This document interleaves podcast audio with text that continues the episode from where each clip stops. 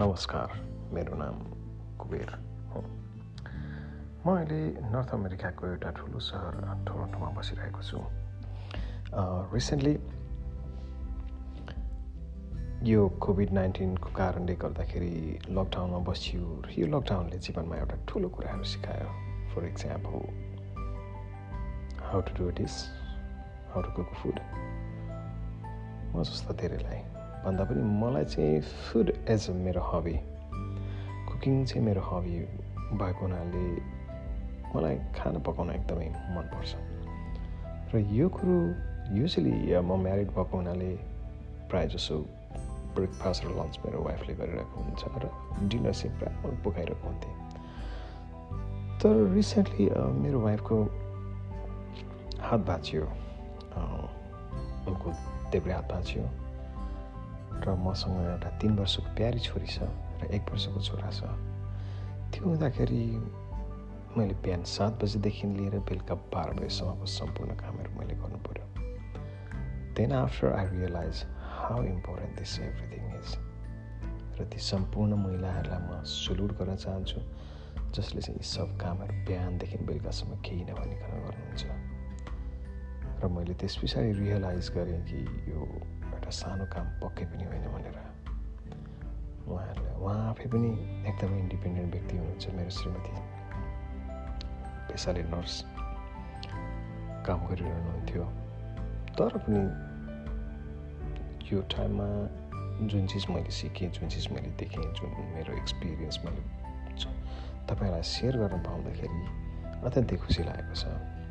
र अर्को कुरो कस्तो भने हामी घरमा बस्छौँ सधैँतिर एउटा चिया पकाऊ त्यो गर त्यो गर भनेर भन्छ आफ्नो हाम्रो आमा बहिनी दिदी जो हुनुहुन्छ घरमा।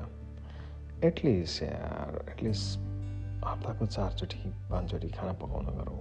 बेलुका कामबाट आएपछि एटलिस्ट खाना पकाउन सघाउँ अथवा कुनै पनि चिज अथवा तपाईँ केही गर्न सक्नुहुन्न। एटलिस्ट खाएको थाल त मोलेर बोकेर एटलिस्ट आफै मोलौँ किनभने एउटा घरमा पाँचजना मान्छे हुनुहुन्छ भने उहाँलाई पाँचवटा थाल पाँचवटा गिलास पाँचवटा बटुका गर्दाखेरि पन्ध्रवटा बढ्न जान्छ तपाईँ एकजनाको लागि त एउटा हुनसक्छ तर if you multiply this five गर्दाखेरि त कति हुनसक्छ? पन्ध्रवटा डिसेस एक्स्ट्रा थपिन्छ त्यो महिलाको पोजमा। जो महिला बिहान सात बजीदेखि लिएर तपाईँको खाना तपाईँको ब्रेकफास्ट लन्च डिनर बच्चा हेर्ने बच्चालाई स्कुल पुर्याउने को लिएर आउने होमवर्क गर्ने आदि इत्यादि त्यो सँगसँगै तपाईँ घरबाट आउँदाखेरि तपाईँलाई खाजा बनाउन रेडी बनाएर राख्ने यो सबै गर्दाखेरि कति छ होला त्यो महिला at least let think about that र कोभिड नाइन्टिनको महामारी नेपालमा अझै बढिरहेको देख्दाखेरि मलाई अत्यन्तै दुःख लागिरहेछ र रिसेन्टली नयाँ आन्दोलनहरू पनि सुरु भएको देखिरहेको छु।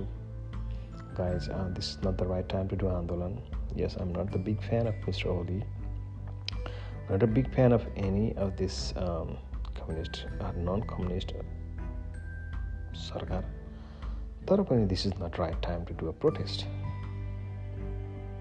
so this is the time to maintain the social distance this is the time to take care of each other this is a take uh, time for this talk about the mental health this is a time for look after each other and the elder people and the women and children And this is not the time to do a protest against the government. So यति भन्दै मेरो आजको दुई शब्द यहीँ टुङ्ग्याउन चाहन्छु र फेरि अर्को पोडकास्टमा म चाँडै उपस्थित हुनेछु त्यति बेलाको लागि हजुरहरू सबैजनालाई शुभरात्रि। बाई